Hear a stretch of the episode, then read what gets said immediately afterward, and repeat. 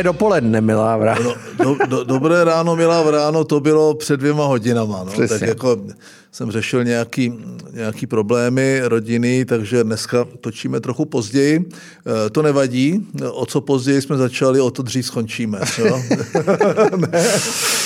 Počkej, tak za ten týden trochu, trochu se zase něco děje. Strašně moc se to stalo. No, tak, tak čím, čím začneme? No tak bouchly ty trubky, plynovody. No, teda my tak, nevíme, jestli bouchly, vlastně asi bouchly. Uh, tak asi vypadá to všichni, co jsem o tom četl, ty komentáře, jako, že to nemohla udělat žádná ekologistická bojůvka, že to bylo dost sofistikované, že to musela udělat spíše než organizace, tak stát, jo? tak jako můžeme spekulovat, tak byli to ti Rusy, já nevím, jo, strašně jsme si přáli, aby to byli ti Rusy, jo, sice nevím, proč by to úplně dělali, ale eh, aby ukázali, že to umějí, jo, že prostě eh, jsou schopni eh, zorganizovat podmorský výbuch čehokoliv, že tam jsou elektrické sítě, tam jsou optovlákna, jo, toto, ty moře jsou propletený nejrůznějšími propoji.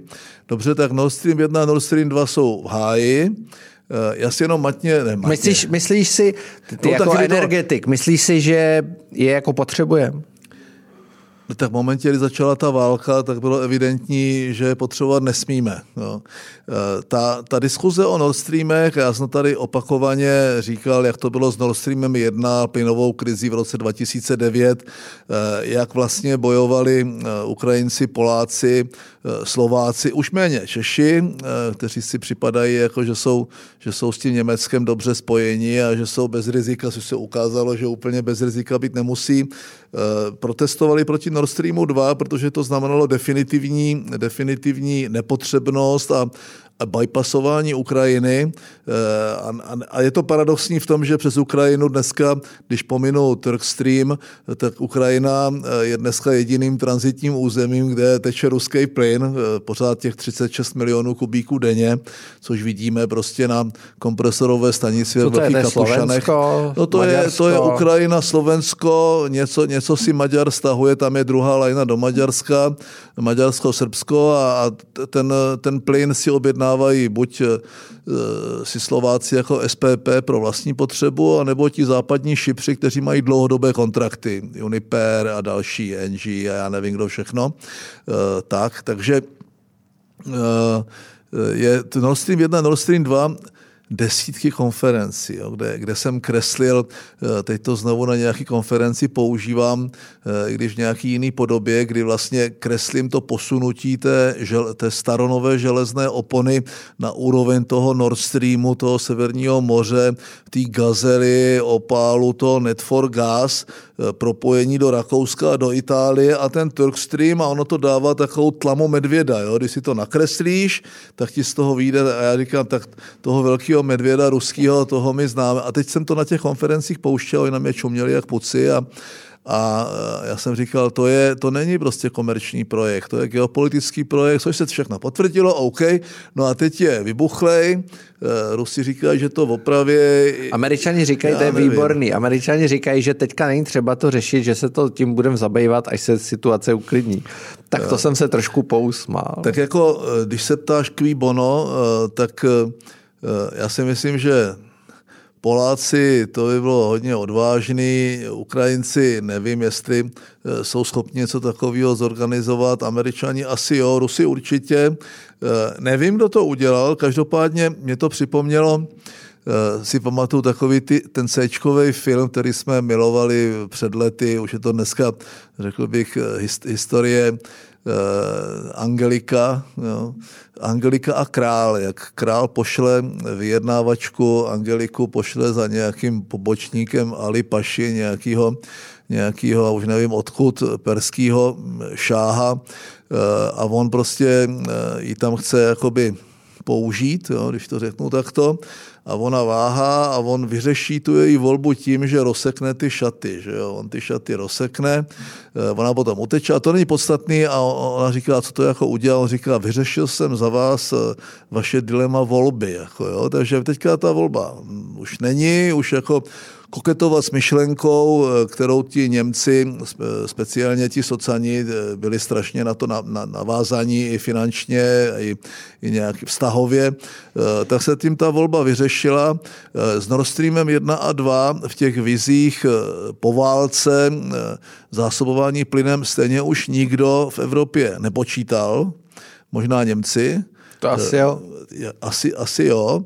Eh, takže eh, je vidět, že ten plyn postupně, ta cena, eh, tu válku energetickou, ten Putin poškodí tu Evropu, ale nevyhraje ji. Ten plyn postupně půjde dolů, jak se budou stavět ty zásobníky LNG. Já bych doporučoval, aby se otevřela znovu diskuze o krachování v Evropě.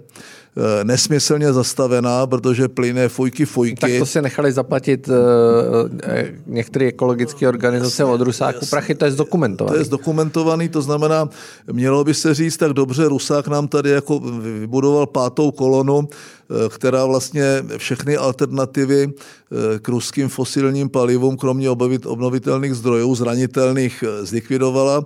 To znamená, diskuze o krakování je podle mě jedna z věcí, která se musí... Frako, o frakování, já se blbnu krakování. Krakování je něco jiného. Je, je v, v, rafinérii. v rafinérii, samozřejmě frakování, což jako je sice eh, ekologicky docela náročná, náročná věc, ale když to můžou dělat američani, kteří jsou dneska eh, zelenější prostě jak, eh, jak žabička, tak proč by to nemohli dělat v Evropě. To znamená, otevírá to celou řadu nových otázek a cena plynu na burze bude klesat já skoro, skoro bych řekl, že eh, samozřejmě ta sociální situace celé řady skupin té společnosti v Evropě i u nás je ohrožena energetickou krizí, ale ukazuje se, u těch paliv to bylo naprosto evidentní. Ten, kdo zastropoval jako Maďaři, tak eh, panika, nedostatek, v podstatě málem přídělový systém, což jako to zastropování sebou nese bez dalších kroků, eh, takže my se to o tom budeme bavit někde dál, ale Eh, Víš, co je zajímavé? Ukazuje se, že jediný, co řeší celý problém energetické krize, je dostatek té na straně nabídky a eh, to u elektřiny je řešitelné eh, u některých států složitě, jako, jako třeba v Německu, ale u toho plynu je to jenom otázka, otázka přesměrování jakoby Eh, té, eh, té poptávky a přesměrování eh, směrem, směrem k producentům LNG, což ale současně znamená, že ten plyn jako bude o něco dražší, ale ta hladina se stabilizuje, když se ta poptávka vyrovná s tou nabídkou a tady ta neviditelná roka trhu prostě funguje. Já nevím, jestli to bude za dva roky nebo za tři, anebo budeme čekat o něco déle a do té doby, do té doby to prostě problém bude ale ty Nord Streamy, eh, musíme se bez nich obejít, jako jsme se bez nich obešli po dekády. A, a, a musíme vědět, že, že ta ruská hra, geopolitická hra, geostrategická, je něco, na co ti Evropani rádi nabíhají a rádi v tom smyslu prostě s tím Rusem kolaborují. A teď prostě to tam piclo. Eh, dobře, eh, Vyvolává to diskuze o tom, co je kdo schopen udělat pro to, aby v této podivné válce eh, získal na vrch a eh, možná se to někdy i vyšetří. Eh, mě to, mě to v této chvíli nechává docela, docela chladným v tom smyslu, že... Jsme rádi, že ty trubky nejedou. To je jasný, jako... že bylo by to jednodušší, ale z hlediska budoucnosti je lepší, že nejedou. Já, Nebo ne? Já se teda straním těch rychlých, krátkých soudů. okay. Jo.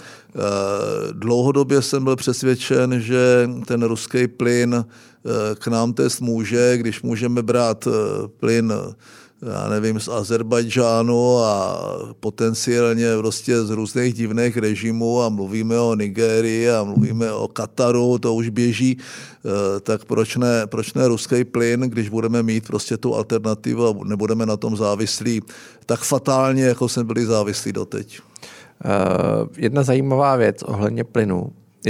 Maďarsko nezveřejnilo cenu toho kontraktu, který uzavřelo s Rusama, dlouhodobýho.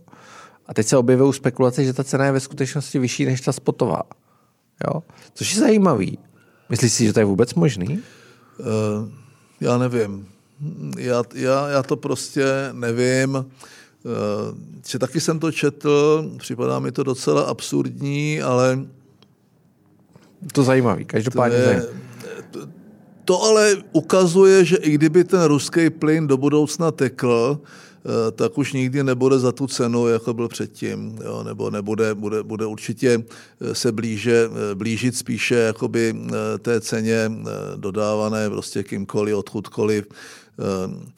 Rusové mají samozřejmě dodávají i z terminálu LNG, nastavili terminály a pamatuju si na konference, kde šéfka, šéfka Gaz Exportu Jelena Burmistrova říkala, Chcete plyn potrubím, dostanete ho potrubím. Chcete plyn z LNG, dostanete LNG. Chcete vodík, dodáme vám vodík. To znamená, eh, ta strategie ruská eh, držet si jako tu Evropu v, závis, v energetické závislosti, tím svým způsobem v ekonomické a i v politické závislosti eh, s těmi konsekvencemi, které to má, je dlouhodobá. Teď dostala trochu trhlinu, Eh, teda trochu, trochu, trochu dost a uvidíme, jak to bude dál, ale eh, já pořád, eh, pořád tu naši pozici, tu středoevropskou, docela závislou, my jsme pozičně lokalizovaní jako geopoliticky v docela, v docela blbým, blbým, blbý části Evropy a Eh, nejsme to my, kdo bude jakoby rozdávat ty karty, nejsme to my, kdo sedí u toho stolu a tam já mám obavu, dlouhodobě mám obavu z toho, že eh, se nakonec, nakonec ti kluci domluví, ale Putin dělá všechno pro to, aby to nebylo možné. Tak, tím, se dostáváme, tím se dostáváme Anexi. k tématu, já bych řekl, eh, Krátkodobě to vypadá, že to je, že to je jeho velký úspěch v té válce, uh, už středně jako myslíš, že když anektuje době, území, který, mu, no, jasně, který ani neovládá. Jasně, středně době se to ukazuje jako problematické, dostává ho to ještě do větší izolace, už i země, které byly poměrně vlažné a tak nějak se tváří, že se jich to netýká, jednoznačně z důvodu většinou vnitropolitických nebo regionálních eh, odmítají prostě anexy, eh, ozbrojené posunutí hranic. To nemluvím vůbec o Budapešské deklaraci z roku 1994, která garantovala ty ukrajinské hranice Kde je za jaderné. No to podepsali Rusové, Ukrajinci, no, Britové a Američani, myslím, kteří to garantovali. Proto pro Brity a Američany je to docela jako reputační riziko, že smlouva, která byla podepsána jimi jako garanty Eh, vlastně, eh, vlastně tímto způsobem pošlapaná. Dobře, tak anektoval, teď nikdo neví přesně co, jestli to původní území těch separatistických republik plus plus eh, samozřejmě Záporoží, Cherson, nebo jakoby to území, které zatím ovládá, které se mělo blížit k těm původním oblastem, těm guberní, nazvané gubernie, jako kraje nebo, nebo Jak země. to chápu já, tak on anektoval území těch Doněcko, Luhansko, Záporoží, Cherson, ale v těch jakoby hranicích ukrajinských, tudíž třeba i kus Doněcku, který momentálně vůbec neovládá, kde no, ani není. Tímto, tímto chci říct, takže on to jakoby eh, tímto způsobem provedl tam provedl tam eh, tu šaškárnu, to referendum, prostě přijde Borec se sapíkem a řekne mu tak, tak jak? jsi pro nebo proti, vyber si, jako jo, namíří tu zbraň, podobá se to trochu volbám v Severní Koreji, eh, trochu, já bych řekl, že překročil veškeré meze, eh, veškeré meze toho, co se považujeme v, jakoby za, za, ještě, za ještě vůbec přijatelné. Eh, to referendum dopadlo 95, 97 99. 99. Prostě chceš nebo nechceš být součástí matičky Rusy, no tak jako vyber si, kámo, jo, jako zahraší tím závěrem, je to legitimní, je to legitimní asi jako ty volby v té, v té Severní Koreji a za celou rodinu to tam může naházet cvičený pes Dingo. Děkujeme, že jste Topol Show doposlouchali až sem. Pokud chcete slyšet zbytek podcastu, musíte mít předplatné, které si můžete koupit na info.cz a nebo také na platformě Gazetisto, gazetisto.com. Za poměrně drobný poplatek si můžete doposlechnout i zbytek tohoto podcastu, stejně jako všech jiných Topol Show. Eh, dozvíte se ještě řadu věcí, ale zejména jsme s Mirkem probrali a Mirek analyzoval z té svojí zkušenosti eh, volby, které proběhly o víkendu. Tak si to užijte a děkujeme za podporu.